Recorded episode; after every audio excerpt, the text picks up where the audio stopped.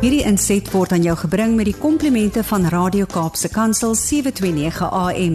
Besoek ons gerus by www.cape pulpit.co.za.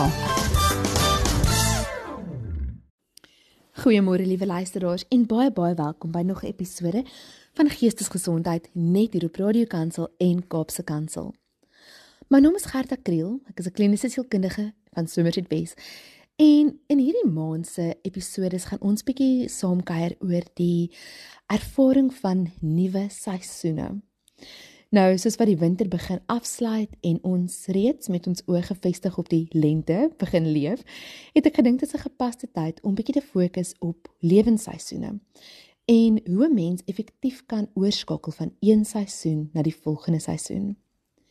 Nou, in vandag se episode gaan ons meer praat oor hoe jy 'n veranderende seisoen in jou lewe kan identifiseer en en ook hoe lyk dit van 'n sielkundige perspektief af maar ook van 'n Bybelse perspektief af en wat sê die Here oor hoe ons nuwe seisoene effektief kan navigeer want ek glo regtig dat die Bybel vir ons uiteindelik die wonderlikste raad hiermee gee.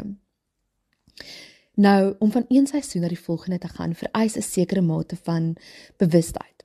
Anders kan jy jouself bevind in 'n plek waar jy eintlik sonder om te dink net hierdie lewe gaan en seisoene in jou lewe miskyk. Seisoene hou nie vir altyd nie. Ons weet dat goeie seisoene verbygaan en slegte seisoene ook verbygaan. Ons weet ook dat die jare aanstap en dat 'n mens van een ontwikkelingsfase in jou lewe na die volgende beweeg sonder om noodwendig altyd bewustelik te wees van waartoe jy gaan. Nou hierdie maand is vroue maand en ek dink as daar nou een stel mense is wat dikwels ervaar hoe seisoene in jou lewe gaan, is dit vroue. Omdat vrouens se natuurlike siklusse verander en hulle hormone so groot rol speel, is dit baie duideliker vir vrouens dat die lewe in seisoene en in fases verbygaan en dat 'n mens dikwels met bewustheid van daardie fases en seisoene moet leef. Mans aan die ander kant ervaar dikwels nie dieselfde bewustheid van seisoene nie. En dis dan wanneer ons daardie gevreesde midlife crisis kry wat so baie mans dikwels ervaar later in hulle lewens. Nou, hier is 'n klein geheimpie. Vrouens ervaar dikwels ook so midlewe krisis. Dit lyk net heelwat anders as wat dit vir mans lyk. Maar ongeag die merker daar is dat dit 'n seisoensoorgang is wat op 'n manier nie optimaal navigeer is nie en daarom met uiterste sensitiwiteit benader moet word. Maar hoe weet jy as jy in so 'n seisoen van verandering begin wees en dis waar ons vandag wil stil staan? Jy sal agterkom wanneer een seisoen in jou lewe verby is, dat daar sekere tekens is.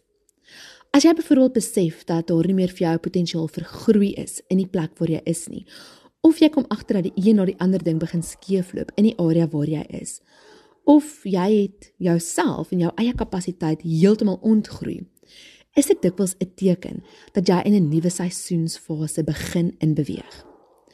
Nou jy 'n keuse om te maak. Jy kan of stil staan in die seisoen wat jy is en amper teenskop teen die verandering en dikwels wil ons dit doen, reg, want dit is gemaklik en dit is bekend. Maar die ongeluk daarvan is as jy kies om dit te doen, as jy kies om vas te hou aan 'n seisoen wat sy einde begin bereik het, Liewe luisteraars, dan mis jy uit op 'n geleentheid van ongelooflike groei.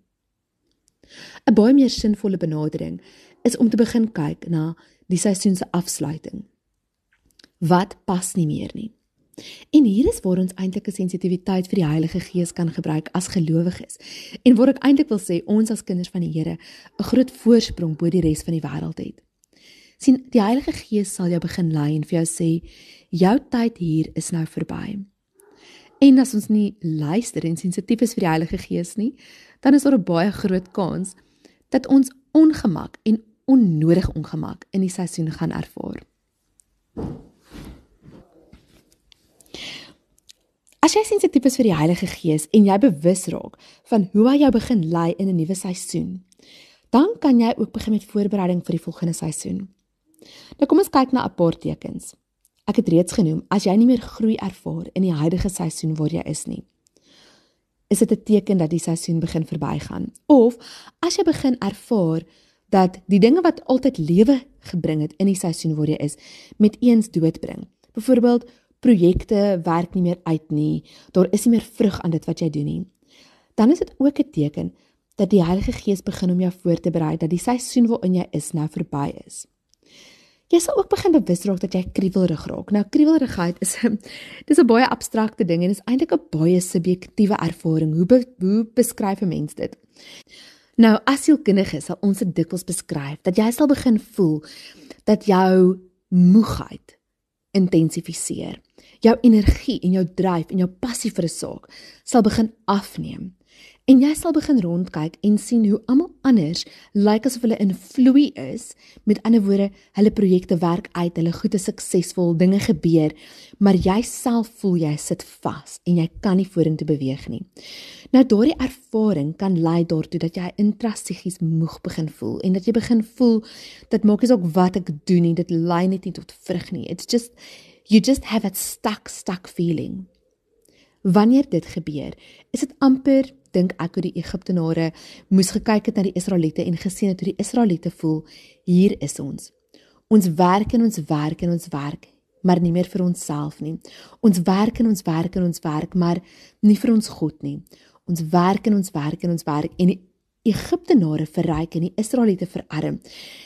En dit was so duidelik dat daar soveel tekens was dat hulle seisoen in Egipte verby was. En ek wil gou sê, Ons moet onthou dat die Egiptenare um, nie altyd sleg was vir die Israeliete nie. Die seisoen in Egipte was nie altyd vir die Israeliete sleg gewees nie. Heel in die begin was dit vir hulle uitkoms gewees toe daar droogte was en toe Josef uiteindelik sy broers gebring het na Egipte toe om daar te kom woon en te kom vermeerder, het dit met die Israeliete daar goed gegaan. Met ander woorde, wanneer 'n seisoen wat goed was, begin sleg word Wanneer 'n seisoen waar daar lewe en oorvloed was, begin opdroog, moet ons vra, is dit tyd om in 'n nuwe seisoen in te beweeg? En wat doen ons dan? Luisteraars, kyk om jou rond. Die tekens van die einde van die winter lê om ons. Ja, daar's nog koue dae en ja, daar's nog reën en wolke wat hang. Maar is die tekens sprekend net van die dood van een seisoen? Of begin daar hier en daar ook belofte van 'n nuwe seisoen ook in jou lewe wys? Volgende week gaan ons meer praat oor hoe jy die tekens identifiseer van 'n nuwe seisoen en hoe jy begin besef waarin jy moet beweeg sodat jy ook weet hoe om jouself voor te berei om in 'n nuwe seisoen in te beweeg. Nou sekere seisoene in die lewe is amper, ek wil sê voor die hand liggend. Die seisoen in die oorgang van ongetroud na getroud, van kinderloos na kinders van kinders wat in die kleuterskool is na kinders wat oorgaan na die laerskool toe, hoërskool toe en uiteindelik die nes verlaat. Sekere seisoene is so ooglopend en het duidelik te doen met ons kronologiese ouderdom en hoe die tyd aanstap. Maar ander seisoene, byvoorbeeld waar jy werk of waar jy betrokke is by projekte of verhoudings, vriendskappe wat moet vorentoe gaan of opeindig, is meer subtiel. En in hierdie reeks wil ek fokus op die ooglopende seisoene wat deurgaan, maar ook die meer subtiele, amper stiller tipe seisoene wat ons nie altyd gaan raak sien omdat dit logies is nie. Ek vra julle om saam met ons te kuier hierdie week en regtig vir ook te dink oor jou eie lewe en hierdie tyd te gebruik as refleksie vir jou om te reflekteer oor Waar wil die Here jou in 'n nuwe seisoen lê? Watter areas in jou lewe het 'n nuwe seisoen wat aanbreek? En in watter seisoene moet jy nog 'n bietjie tyd spandeer? Luisteraars, mag julle 'n geseënde vroue maand geniet. Mag Augustus vir jou 'n maand vol vreugde en 'n maand vol opwinding en 'n maand van bewustheid wees van 'n nuwe seisoen waarin ook jy mag intree. Ek groet julle tot volgende week. Totsiens.